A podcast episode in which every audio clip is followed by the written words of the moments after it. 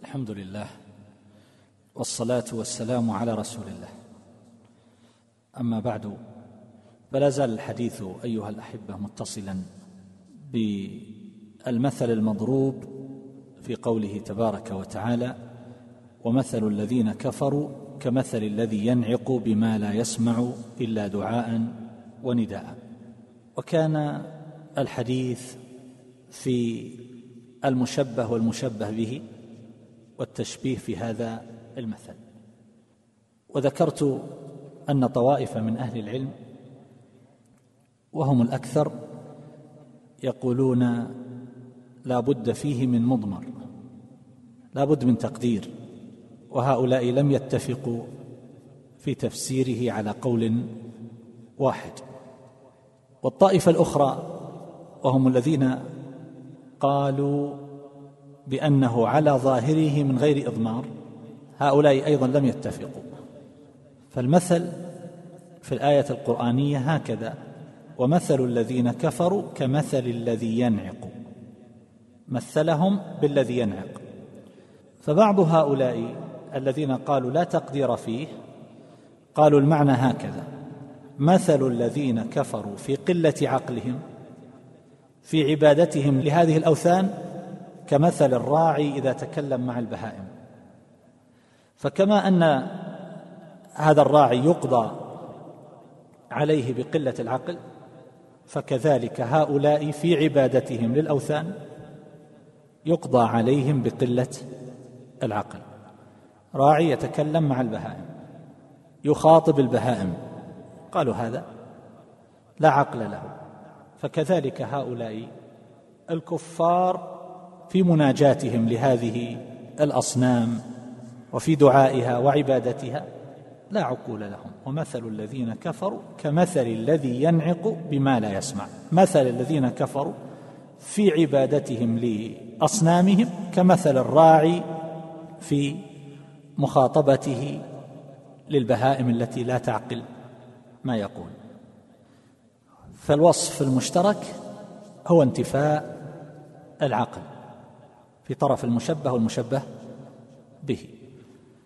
وبعض هؤلاء قال المعنى هكذا مثل الذين كفروا في اتباعهم آباءهم تقليد في تقليدهم لآبائهم كمثل الراعي إذا تكلم مع البهائم.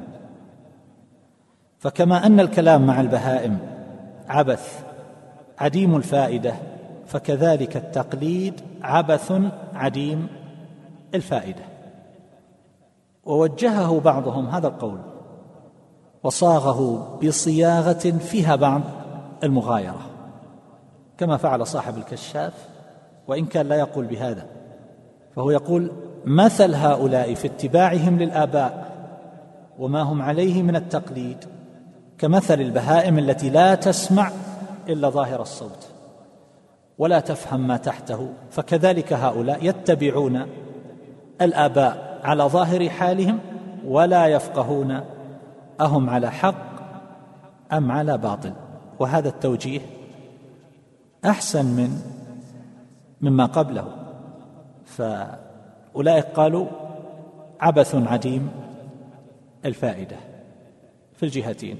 التقليد عبث عديم الفائدة وكذلك أيضا كلام الراعي للغنم عبث عديم الفائدة. مع أن الآية كمثل الذي ينعق بما لا يسمع إلا دعاء ونداء. هل المقصود بيان أن ما هم فيه عبث؟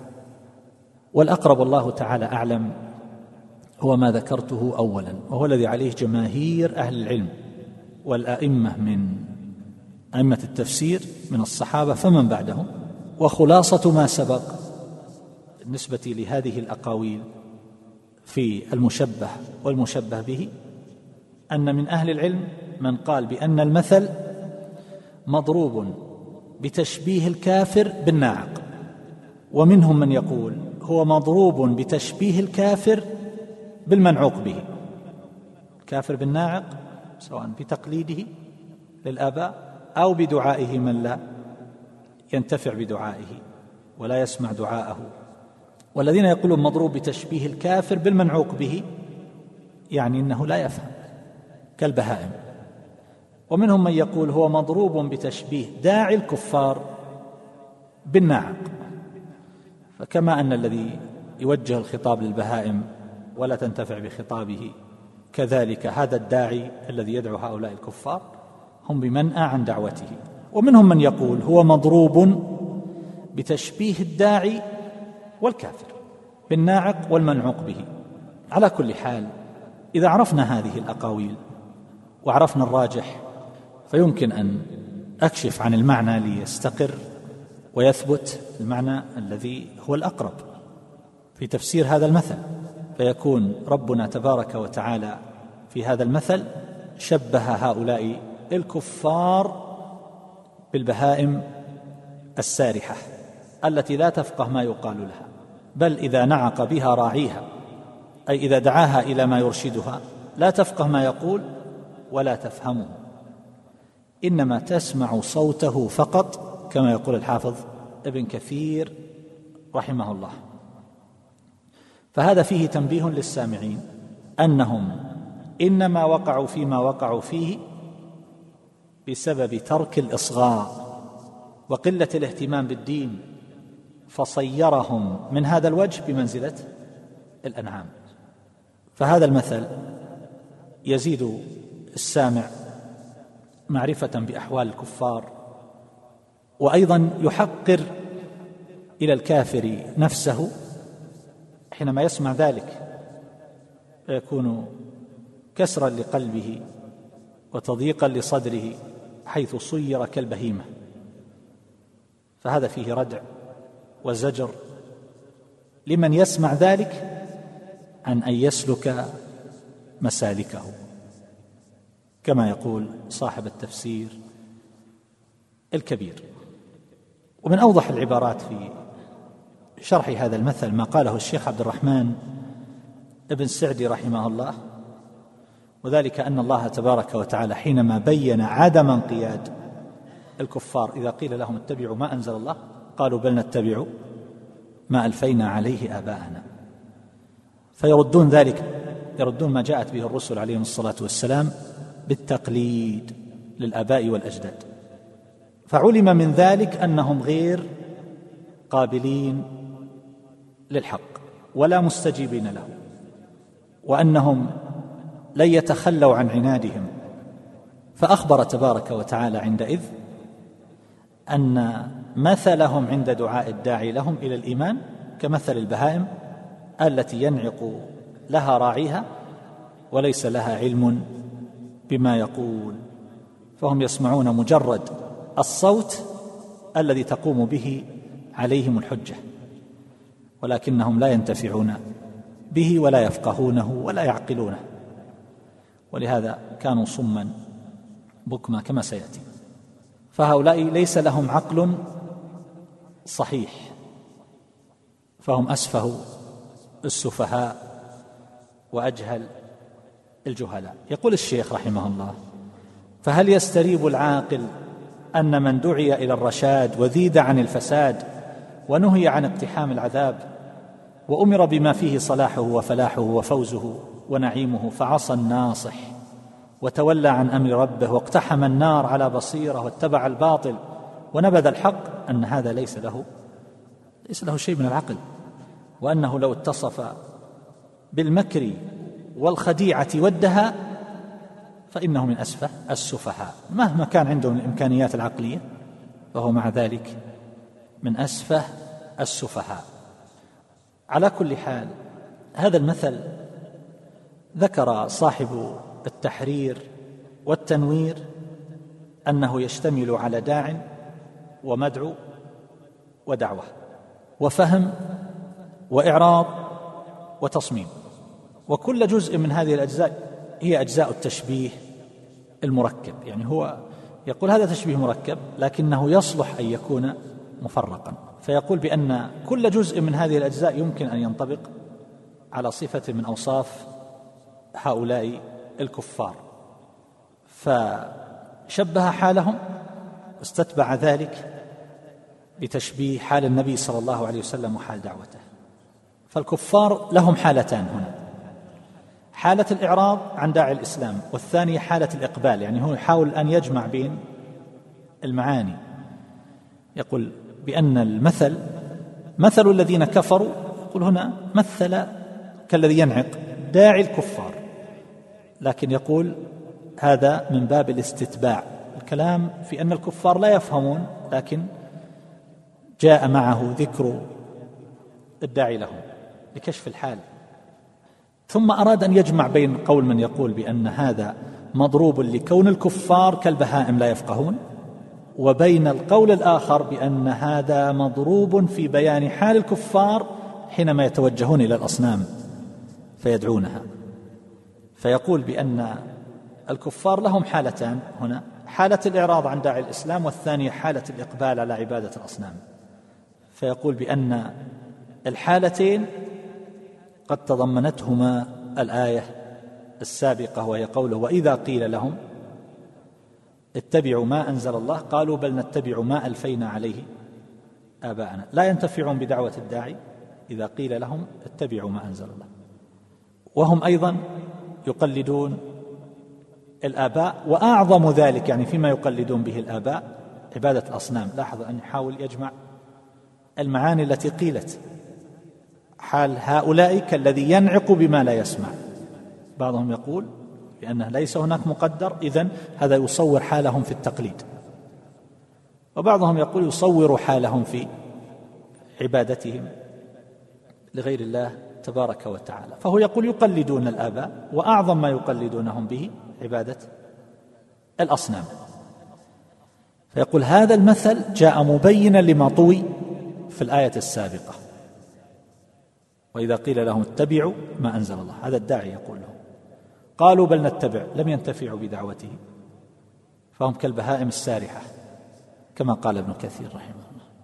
نتبع ما ألفينا عليه آباءنا إذا هم يقلدون وهذا التقليد لا طائل تحته. على كل حال محاولة من الطاهر بن عاشور في الجمع بين هذه الأقوال يستفاد منها وإن كان هذا الكلام قد لا يسلم بإطلاق.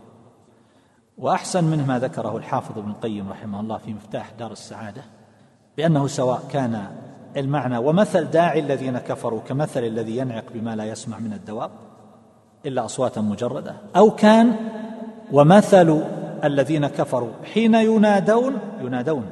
ما هو ينادون؟ حين ينادون. كالأنعام التي ينعق بها فلا تسمع إلا صوت الدعاء والنداء. ابن القيم رحمه الله يقول القولان متلازمان. إن كان المقصود بيان حال هؤلاء من الاعراض فهم لا يفقهون ماذا؟ لا يفقهون ما يقوله الداعي. اذا فيه داعي. أليس كذلك؟ ومثل الذين كفروا كمثل الذي ينعق بما لا يسمع إلا دعاء فهو لبيان حالهم من الاعراض كالبهائم التي يوجه إليها الراعي كلامه ولا تفقه مما يقول شيئا فهو يقول القولان متلازمان. إن قلت هذا المثل مضروب للداعي أو للمدعو فهم كيف يعرضون إلا بعد الإعراض عن دعاء الرسول صلى الله عليه وسلم لهم للإيمان. فهذا جيد. ويجمع بين قولين ظاهرين في الآية. وأما قوله تبارك وتعالى في وصفهم بأنهم صم بكم عمي فهو لما شبههم بالبهائم زاد في تبكيتهم فقال صم يعني هم صم يعني بمنزلة الصم. السمع موجود ولكنه لا ينتفع به فصاحبه أصم عن سماع الحق سماع انتفاع واعتبار واتعاظ. وهم أيضا بكم يعني لا ينطقون بالحق وأعظمه التوحيد. وهم أيضا عمي أعرضوا عن دلائل الوحدانية وبراهين الرسالة لا يرون ذلك ولا يشاهدونه. فهم عمي بهذا الاعتبار ثم وصفهم بعدم العقل لا يعقلون. والمقصود العقل الاكتسابي لا المطبوع إنهم عندهم عقل يفكرون ويحسبون ويبيعون ويشترون و... لكن المقصود به العقل الاكتسابي إنهم يقولون العقل مطبوع ومسموع. وإنما يكتسب العقل من ماذا؟ من السمع والبصر. إن السمع والبصر العقل الاكتسابي إن السمع والبصر والفؤاد كل أولئك كان عنه مسؤولا. فالسمع والبصر يصبان في القلب فهو الوعاء. وعندئذ يعقل الأشياء. وبهذا وصفوا بأنهم لا يعقلون ولهذا قيل من فقد حسا فقد فقد علما. يعني لو ذهب عنه السمع كم سيفوته؟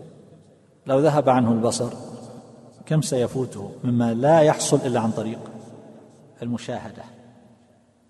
فهذه صفتهم وهذا حالهم وعبارات أهل العلم في هذا متقاربة. وقوله تبارك وتعالى هنا في صفتهم بأنهم لا يعقلون وأنهم قد تركوا حظهم من السماع أو الاستماع الذي ينتفعون به. يقول شيخ الإسلام ابن تيمية رحمه الله بأن أصل السماع الذي أمر الله به هو سماع ما جاء به الرسول صلى الله عليه وسلم سماع فقه وقبول. ما هو مجرد أن يصل صوت الداعي أو صوت الرسول صلى الله عليه وسلم إلى أذانهم؟ فإنهم يسمعون هذا. لكن المقصود سماع الفقه والقبول. ثم يذكر أن الناس ينقسمون في هذا إلى أربعة أصناف. صنف معرض أصلا ممتنع عن سماعه لا يريد أن يسمع. يضع في أذانه القطن أو يضع أصابعه في آذانه. أو يعرض عن الأماكن التي يذكر فيها هذا أصلا ويقول لا تغش مجالسنا. لا يريد أن يسمع شيئا نسأل الله العافية. وصنف سمع الصوت ولم يفقه المعنى. وصنف فهم ولكنه لم يقبله. أدرك عرف المراد لكنه لم يقبل. وصنف وهو الرابع سمع سماع فهم وقبول. عقل عن الله عز وجل واستجاب وأذعن. فهذا حال المؤمن. أما الأول الذي لا يريد أن يسمع فكما قال الله عز وجل وقال الذين كفروا لا تسمعوا لهذا القرآن والغوا فيه لعلكم تغلبون. والصنف الثاني من سمع الصوت لكنه لم يفهم المعنى كما قال الله عز وجل ومثل الذين كفروا كمثل الذي ينعق بما لا يسمع في هذه الآية.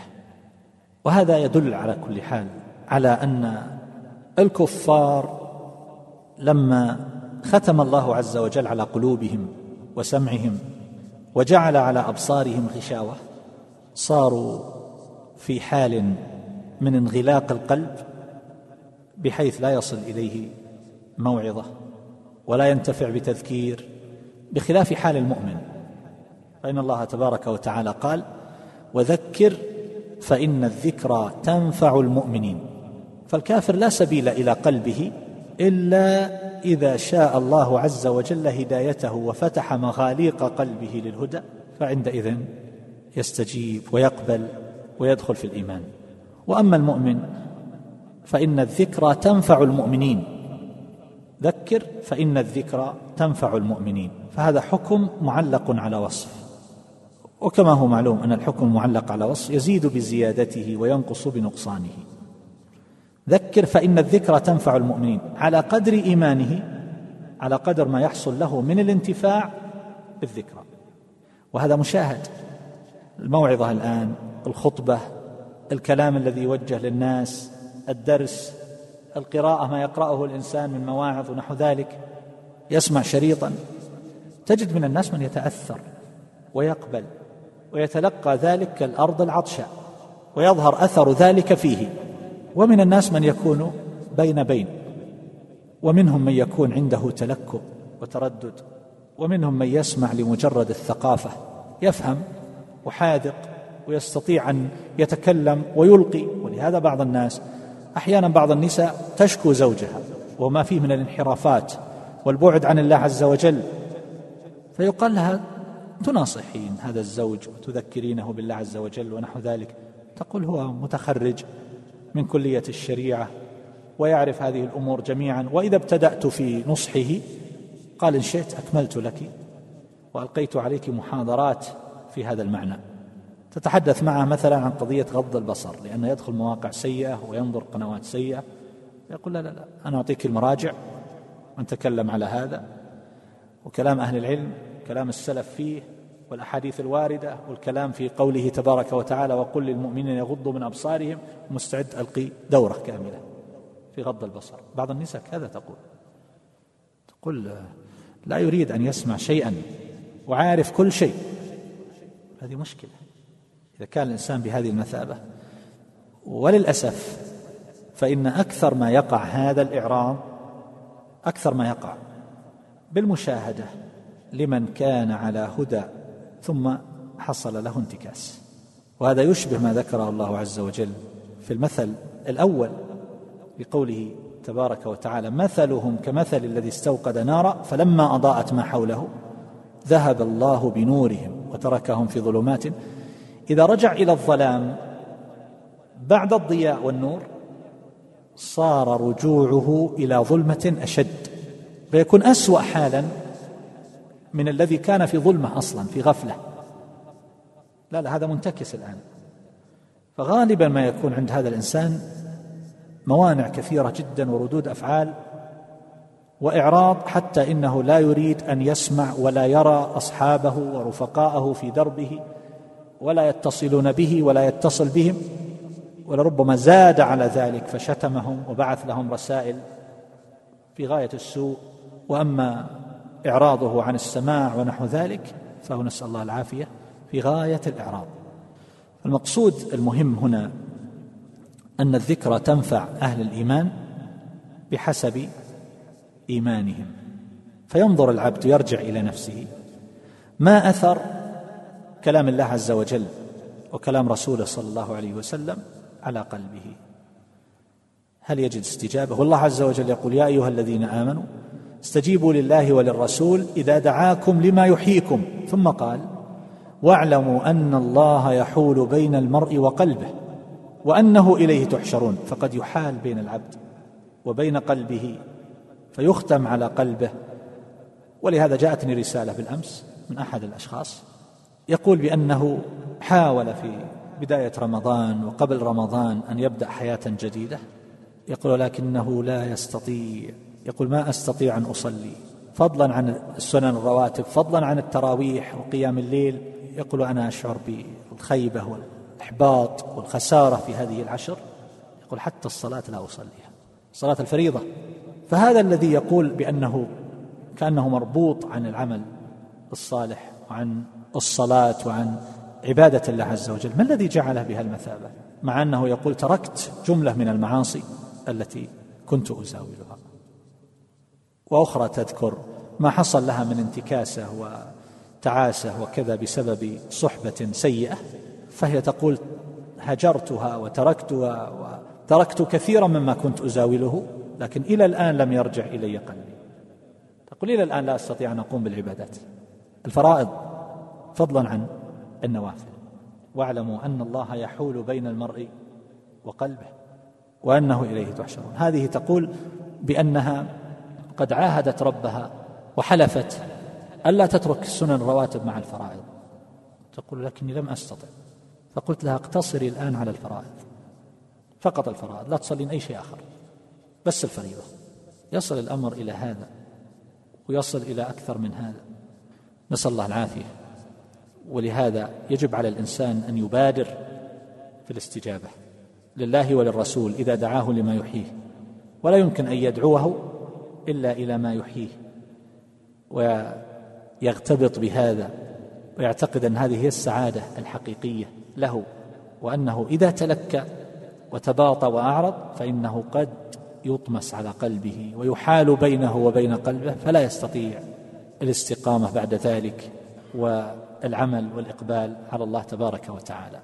فهذه القلوب لها أحوال والإيمان يزيد وينقص ولذلك تجد الكثيرين في رمضان لربما كانوا أسوأ حالا مما هم عليه قبل رمضان.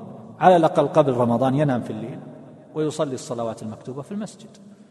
كثير من الناس اليوم يصلي الصلوات لربما جمع بين الصلاتين. صلاة النهار هذه كلها نوم. هذا رمضان فرائض.